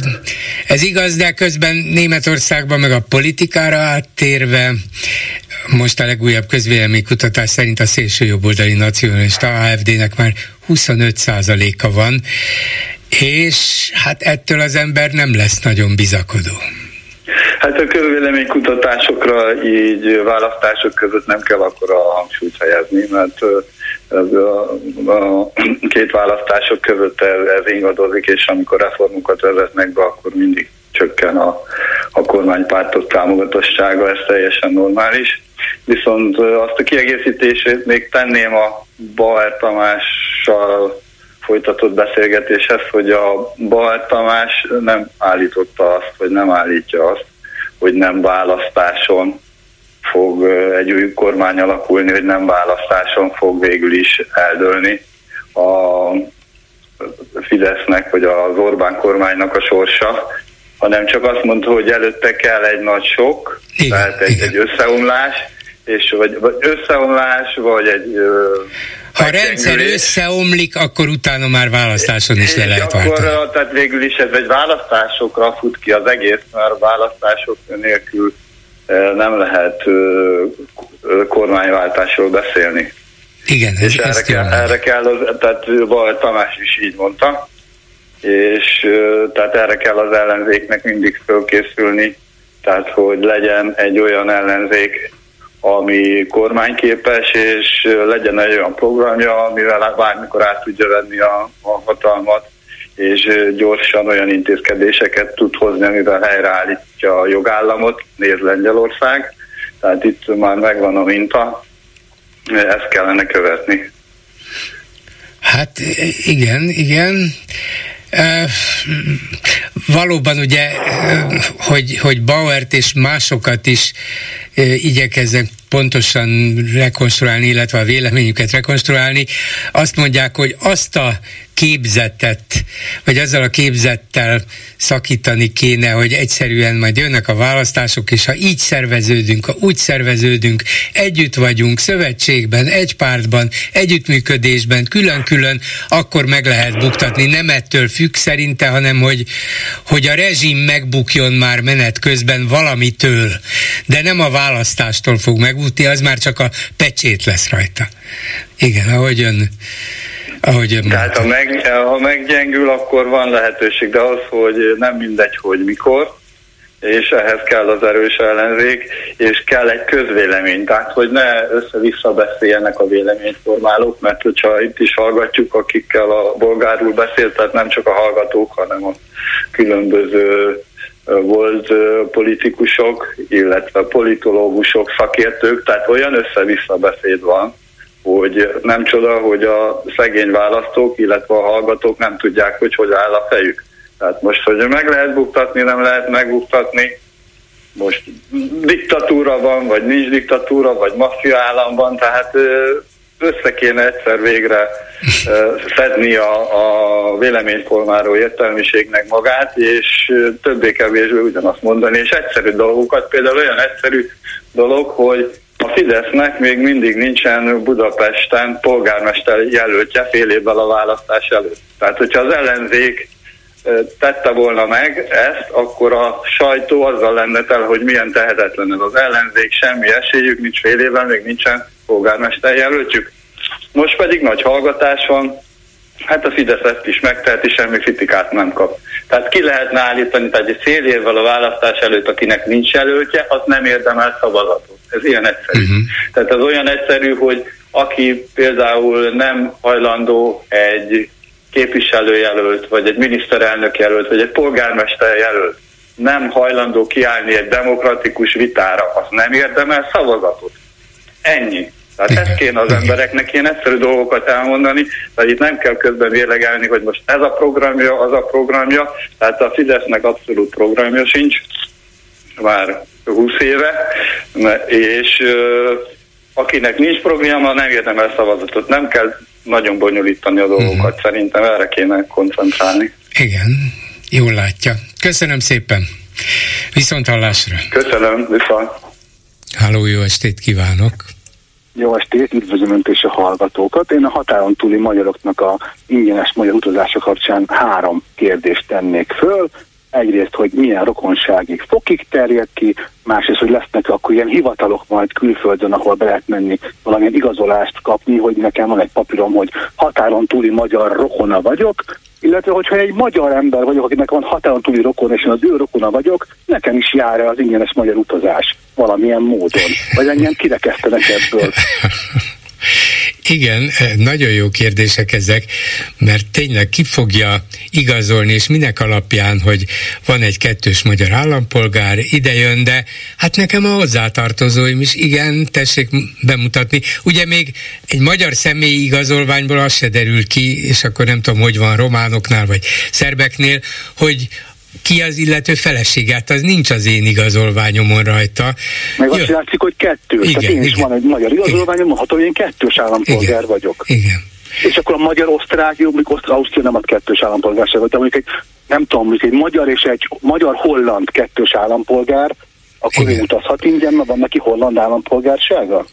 Hát, Ez számít határon túli magyarnak, csak aki a szomszédságunk, hogy a régi Magyarország területén lévő magyar. Tehát, Valószínűleg erre érti? gondoltak. Hát persze, értem, és nyilvánvalóan még nincsen jogszabály, de hogy ezeket pontosan kellene rögzíteni, az egyértelmű, és nem biztos, hogy lehet. És lesz ilyen kis papír, vagy igazolvány, ilyen, ilyen, ilyen plastik Hozzátartozó. Én határon túli Igen. magyar rokona vagyok. Hoz, hozzátartozója vagyok valakinek. Hozzátartozója vagyok egy magyarnak, aki határon Igen. túli. De hogy, de hogy mondom, ha én budapesti lakos vagyok, és van egy határon túli nagynéném, akkor nekem is egy határon túli magyar rokonom, akkor ugye én is kapok ingyenes utazást a mádra. Igen. Hát csak nem zárnak ki belőle engem, nem? Hát lehet, hogy követelik majd a lakcímkártyát, hogy hol tetszik lakni. Ja, hogy Budapesten vagy Gyöngyösön lakik, hát akkor maga nem jogosult rá. De én rokonna vagyok egy határon túli magyarnak, érti? Persze. Szóval akkor, akkor hogy? Igen, abszurd helyzeteket eredményezhet ez, de lehet, hogy az egész megállott, hogy bejelentenek valami nagynak látszó dolgot, és aztán a részletekben majd úgy el fognak veszni, de boldog lesz tőle legalább egy millió egy hivatal, vagy egy folyamat. Most akkor e foglalkoztatnak majd egy csúcsminisztert? Vagy lesz erre valami kormány megbízott határon túli magyarok rokonainak papírjaért felelős kormány biztos? Má, Máv és Volán megbizotja a határon túli magyaroknak, igen. Szóval az egész nagyon fura. Érdemes lenne ezt körbejárni. És mondom, nekem van határon túli rokonom, és akkor várom, hogy ingyen utazhassak én is. És ráadásul őszintén szóval nem is értem, hogy praktikusan miért. Mert eddig évente négyszer nagyon kedvezményesen utazhattak, tehát szerintem az ő igényeiket az eddigi szabályozás kielégítette. Nem hiszem, hogy elkezdték követelni, hogy de mi folyton ingyen akarunk utazni a magyarországi vasutakon és buszjáratokon. De vajon akkor miért csinálták? Ez egy kampányfogás, ennyi. Aha. Ez végre egy olyan kampányfogás, ami nem kerül pénzbe. Azért mondom, mert hogy ő is mondta, nyilván eddig jöhetek négyszer ingyen, kb. volt, aki egyszer se jött, vagy csak négy Persze. évente jött egyszer, nem egy évben érte, négy évente egyszer jött ezzel az ingyennel. Egyébként baromira gondolom, nincs rá igényük, hogy itt folyamatosan jönnek, menjenek milliószám. Biztos van egy kis lakosság, aki ingázik, ők majd örülnek, de hogy ez nem lesz számottevő. Tehát ennek vég, ez nem kerül pénzbe, és úgy, úgy vesz szavazatot a Fidesz. Tehát végre valami, amiért adózom, de nem megy el túl sok pénz a propagandára. Talán egy területen lehet ennek praktikus értelme, most jutott eszembe, a kárpátaljai magyarok számára, akik közül biztos, hogy nagyon sokan így is, úgy is rendszeresen ingáznak, mert menekültnek számítanak ugyan, de nyilván meg kell élni valahogy, ha itt nincs állásuk, vagy szóval, vagy, vagy valamilyen kereskedelmet folytatnak, szóval a lényeg az, hogy kibejárnak, és ez biztos, hogy így van jelentős részüknél.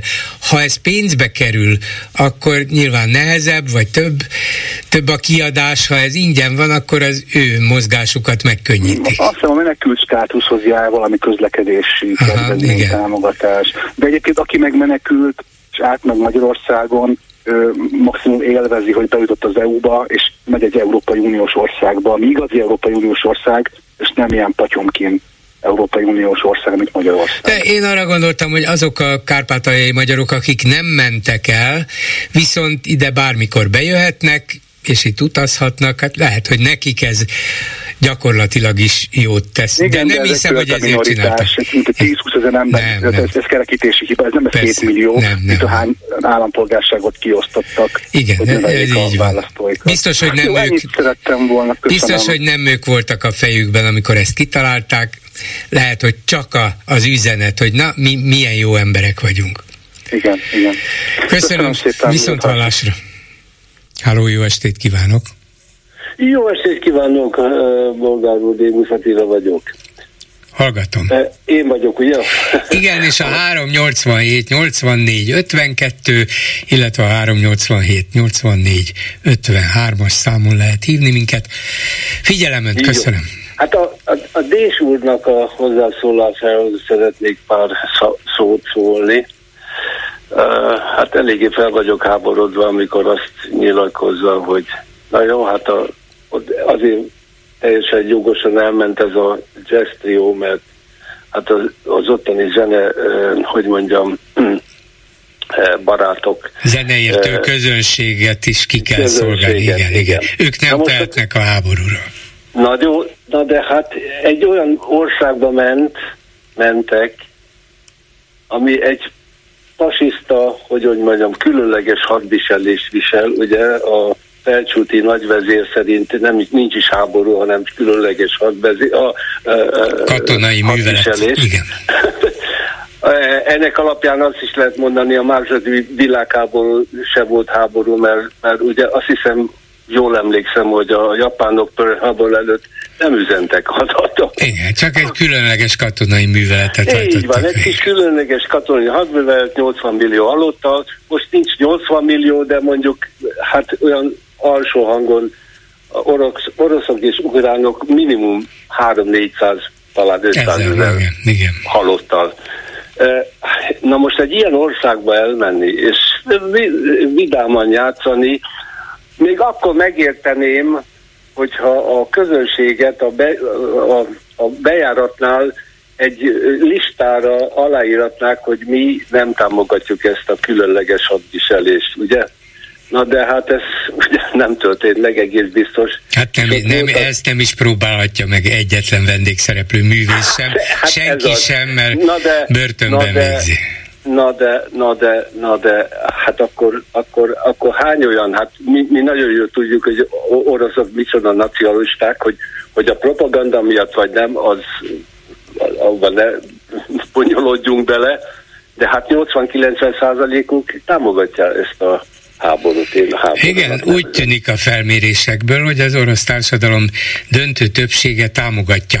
De még az is lehet, hogy aki elmegy egy jazz koncertre, az nem. Ezt nem tudjuk, nyilván nincs ilyenfajta De azt se tudjuk, hogy annak hány százaléka, aki boldogan támogatja ezt. Persze.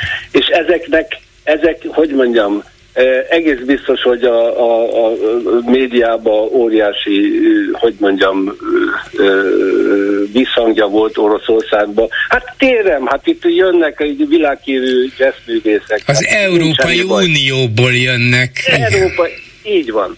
Tehát, tehát én nem értem ezt a Dés urat, hogy, hogy semmi, semmi rosszat nem talált ebbe az évbe. Én nagyon, nagyon elítélem. Tehát... Az nem, nem úgy, hogy nem talált semmi rosszat, hanem azt mondta, hogy ez egy dilemma.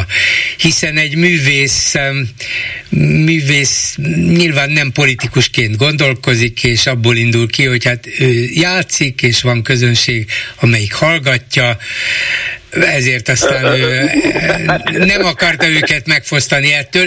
Jó, lehet, hogy egy kicsit idealista hangzik, de... Bolgár úr, hát azért az ember gondolkozik, az az ember hallja a híreket, persze, az ember... Persze. Minden ember saját maga cselekedétének a felelőse, nem? Persze, hát, hát én azért... abból indultam ki, és azzal is kezdtem a beszélgetést, hogy én meghökkentem, amikor hallottam ezt, és mondom, tudomásom szerint Nyugat-Európából, az Egyesült Államokból gyakorlatilag nem megy oda senki, művész sem, sportoló sem. Nem azért, Pontosan. mert tilos, hanem mert bolykottálják, mert, mert elítélik azt személyesen is, meg a mögöttük állók is, hogy Oroszország rátámadt Ukrajnára, és, és írtja Igen. az embereket. Hát ez... Még akkor is, még, még, még, még egy kicsit, kicsit, hogy mondjam, javíthatták volna a, a megítélést, ha mondjuk a, gondolom nem ingyen léptek föl, nem, hanem a gázidnak, gázit fölajánlották volna az ukrán ö, ö, népnek, hogy a, a több, több százezer házat, amit már eddig a barátaink, orosz barátaink sikerült lerombolni, legalább valamit hozzájáruljanak, ugye? Tehát ezt se hallottam. Igen.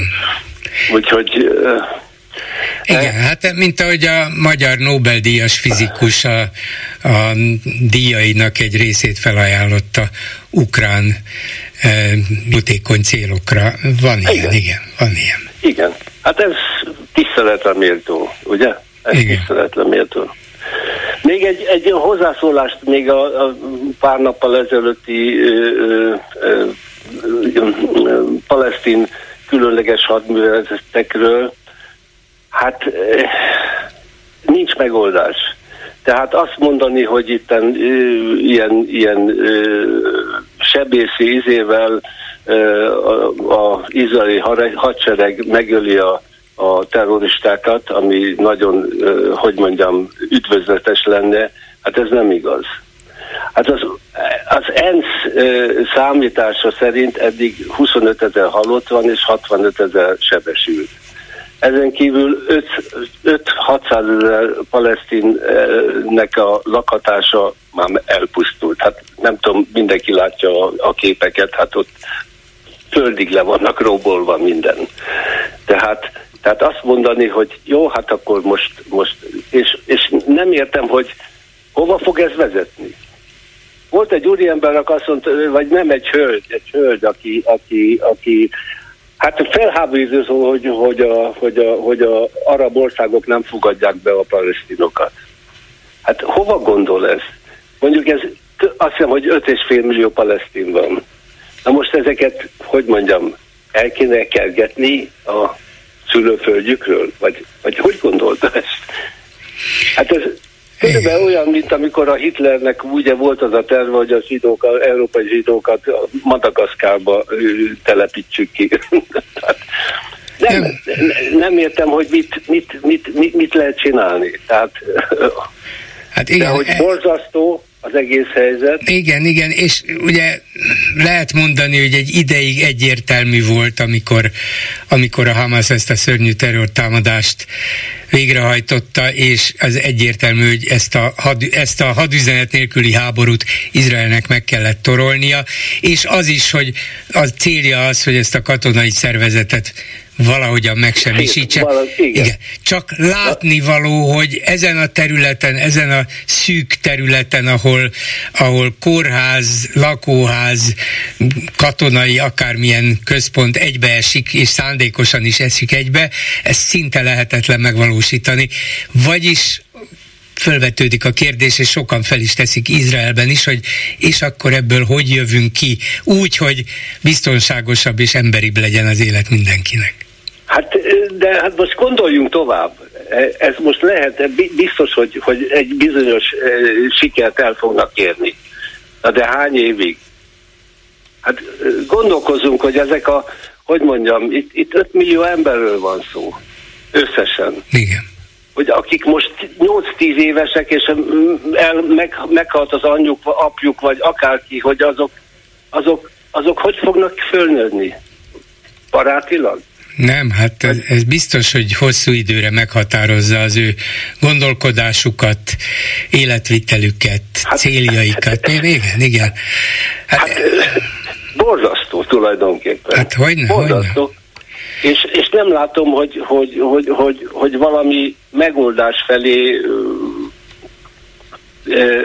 menne a dolog.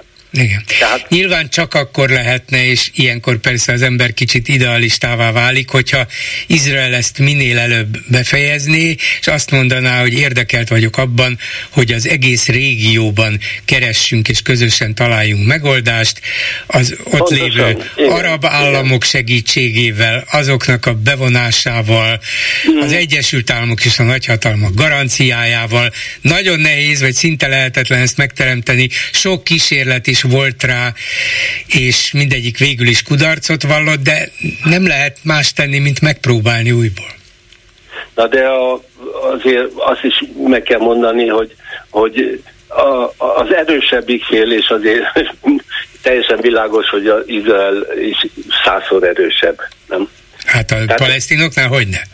Hát, hogy, hogy azoknak kéne valami engedményt jeleznie legalább. Hát azért mondom, hogy a, a megoldás felé vezető első lépés az volna, hogy befejeztük, nagyjából elértünk a céljainkat, mondjuk a tuszokat szabadon kéne bocsátani, az minimum feltétel Igen. volna. Hát az a minimum. És akkor azt mondani, hogy mi pedig érdekeltek vagyunk egy általános és hosszú távú rendezésben, és kérem a környező országokat is, és a palesztinoknak az elfogadható politikai képviselőit is, hogy kezdjük el erről az egyeztetést. El tudja képzelni a bolgárul, hogy ezt a Netanyahu kormány ezt, ne, ezt a Netanyahu-ról sajnos nem, de azért vannak ott más politikai erők. Igen, hát nekem az a reményem, hogy, hogy ha, ha befejeződik, ami nagyon kívánatos, hogy és új választás lesz, akkor egy olyan kormány kerül, aki, aki ezt a lépést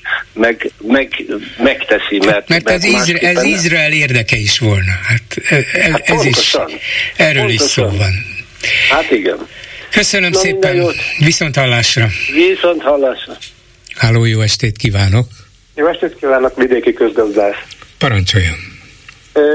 Annyit szeretnék még a DK, illetve a Varga Ferenc úrra folytatott beszélgetéséhez, hogy az ez itt a fórumban volt ez egy vidám dolog is, ami egyébként egy nem vidám téma, hogy egy betelefonáló, aki sűrűn szokott találkozni ezekkel a vendégmunkásokkal, olyan furcsának találta őket, mert mindig mosolyognak. Úgyhogy ebből az egy szempontból lehet, hogy nem tesznek annyira rosszat a helyi közhangulattal. Én úgy érzem, hogy egyébként a fő célja ennek nem is biztos, hogy a munkabér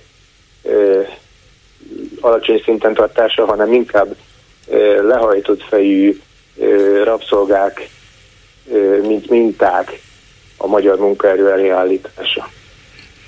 Hát Tudja, ennek az egész problémának az egyik része az, hogy, hogy a Fidesz évek, hosszú évek óta gyűlölködve beszél minden idegenről. Azokról, akik ide jönnek, ide nem is menekülnek, azt csak hazudják. És ide, igen, igen, igen. És ezért mindenki gyanús, aki külföldi, és aki ide jön ebbe az országba, még ha tovább megy, akkor is. Ezek után szép sutyomban elkezdik tízezer számra importálni a vendégmunkásokat, mert azt a gazdaságpolitikát találták ki. Nem mondom, hogy ennek nincs gazdasági logikája, ön, mint közgazdász nyilván meg tudja erősíteni. Ha nincs munkaerő, akkor adott esetben kell, mert, mert nem működne másképp a dolog, és, és akár átmeneti időre, akár hosszabb időre vendégmunkásokra szükség van. Európában látjuk szinte mindenütt. Igen, ne... hát ez nem egyszerű dolog, tehát nehéz azt elkülöníteni, amikor magyar ment Angliába akkor az jó, illetve hát jobb lenne, ha itthon megélne, de bocsánatos bűn, ha ide jönnek máshonnan, akkor az meg ö, tömény rosszaság. Én elsősorban egy keddi témájához szerettem volna visszatérni, nem tudom, nagyon nincs már időn, de nagyon fontos lett volna, és nem telefonáltak be az orvosi kamarának a, az új elnöke mondatával kapcsolatban, hogy én kommenteltem, de aztán az nem került bele, lehet, hogy hosszú volt. El tudom még mondani? Persze, igen, mondja. Két, két perce van, mert itt van Lőrinc Saba, hogy még Facebookos véleményeket is mondjon, de hallgatom, két perc van. Egyébként az, hogy társadalmi szerződéseknek a megszegése. Tehát kezdődött azzal, hogy a másfél százalék munkaerőpiaci járulék, amit munkanélküli járadéknak szoktak csúfolni, azért cserébe nem kapunk csak három hónap csökkentett értékű munkanélküli segélyt. Ebben rengeteg plusz keletkezett már akkor is, amikor még itt komoly munkanélküliség volt, és mindig átcsoportosítottak onnan el a költségvetésbe, de ez egy kisebb baj.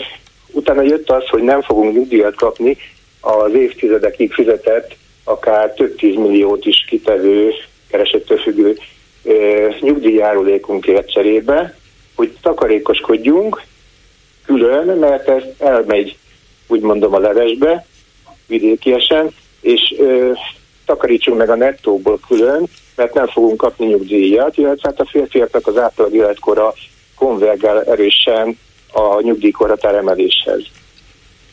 Igen. És akkor most jött a harmadik fekete leves azzal, hogy a 4 plusz 3 százalék nyugdíjjárulék, illetve egészségbiztosítási járulék, bocsánat, amit a munkavállalótól vonnak le, illetve az a most már 13-ra csökkent, mert 17 és fél volt, aztán 20 júliusától 15 és fél, és most már januártól csak 13-at fizet a munkáltató, talán még fizet hozzá valami egyéb fixet is, tehát egyre kevesebbet, mintha nem volna rá szükség. Ennek cserébe az egészségügyi ellátásunk volna az ellentételezése, ami megint csak elment, és nem kapunk érte egészségügyi ellátást. Tehát ezt, ha számszerűsítenénk, hogy kitől mennyit lopnak el, úgy, hogy nem adnak érte semmit, akkor azért átgondolnák az emberek, hogy ennek ő számukra milyen vonzata van. Így van, igen. Köszönöm szépen, viszont hallásra. Viszont hallásra. És akkor Csaba hallgatlak. Szia Gyuri, köszöntöm a hallgatókat. A, az ingyenes utazással kapcsolatos gondolatok azért eléggé szélsőségesek voltak, de volt néhány vicces köztük. Nem akarok gyűlöletet kelteni senki iránt, legyen ingyenes az utazás alapvető emberi jog. Csak hát... De ez... akkor mindenkinek. Igen, igen. És ezt vajon hogyan, miből finanszírozzák meg? Ja. Egy újabb adó nemből. Nincs, erre utat rá egy másik kommentelő, nincs ingyenes utazás, mint ahogyan nincsen ingyenes rezsicsökkentés, ingyen tankönyv, továbbá ingyen ebéd sincs. Stimmel. Valaki fizetné, de lehet olyan társadalmi haszna, hogy a közösségi közlekedést ingyenesé tesszük, és akkor talán az emberek jelentős része leszokik az autóról. Ez, ez egy érdekes felvetés, nem tudom milyen módon kivitelezhető. Aztán egy másik téma. Ezek szerint új kék plakátokkal lehet beteríteni megint az egész országot. Ha Magyarországra jössz és Fidesz vendég, Fideszes vendégmunkás vagy, akkor nyugodtan el, elveheted a magyarok munkáját. Készült, készül Magyarország kormányának támogatásával és megbízásából Fidesz migráns, jó migráns program. Érdekes volna az ember tátott szájjal nézni, de legalább a plakátipar fejlődne. Hát más kérdés, hogy ha Bécsbe, valaki mindig a tegnapi témában szólt hozzá, hogyha Bécsbe megyünk koncertre, ne nagyon sétálgassunk az utcán. A haza nem lehet ellenzékben, csak külföldön. Ez az utolsó gondolat. Köszönöm szépen, ezzel a megbeszéljük mai műsora véget ért. Készítésében közreműködött Bencsik Gyula, Lőrinc Csaba, Erdei Tünde, Simon Erika és Csorba László. Bolgár Györgyöt hallották, viszont hallásra a jövő héten. Most pedig jön az Esti Gyors.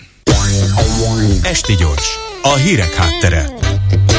Jó estét kívánok, Selmeszi János vagyok, ez itt az Esti Gyors, a szerkesztő Helskovics Eszter. Ugyan nem szokták Orbán Viktor szemére vetni, de az európai politikában nem sokan csináltak nagyobb baromságot annál, mint amit a legnagyobb és legbefolyásosabb pártcsaládból való kilépés jelent egy kis kelet-európai ország kormánypártjának, ráadásul a frakciótlan nagy semmibe. A néppártból való búcsúért cserébe a Fidesz elüldözhette a CEUT Magyarországról, aminek belpolitikai értelemben sem lehetett túl sok haszna, illetve listázhatta a külföldre a támogatott civil szervezeteket, akiket azóta is külföldre támogatnak, csak a lista nincs már meg sehol, ahogy a magyar kormánynak sincsenek már meg azok a barátai, akik esetleg megúvhatták volna attól, hogy blokkolják az országnak tényleg járó uniós forrásokat. Szóval, hogyha lenne néppárti tagság, talán még némi gazdasági növekedés is összejött volna 2023-ban, köszönjük Viktor. Felcsillant most azonban a remény, legalábbis ha igaz, amit a Bloomberg írt, és Giorgia Meloni, olasz miniszterelnök tényleg meghívta Orbán Viktort a párt családjába, cserébe Ukrajna pénzügyi támogatásáért és a magyar-ukrán kapcsolatok javításáért. Az európai konzervatívok és reformerek a Fidesz képviselők csatlakozásával a harmadik legnagyobb frakció lehetnének az EP-ben, azaz a magyar kormány emberei a tartalék csapatból átülhetnének a kispadra, onnan pedig legalább néha becserélik az embert. Mi volna az úgynevezett magyar érdek, hanem ez, csak kijebb kell mászni kicsit Vladimir Putyin seg, szóval izé, miniszterelnök úr, fogadja el ezt az ajánlatot, legyen egy picit több barátunk, tartozzunk valahová. Pláne a Meloni, akivel úgy tűnik, uniós léptékben is számolni kell. Ez még mindig az Esti Gyors, a hírek után folytatjuk. Esti Gyors, a hírek háttere.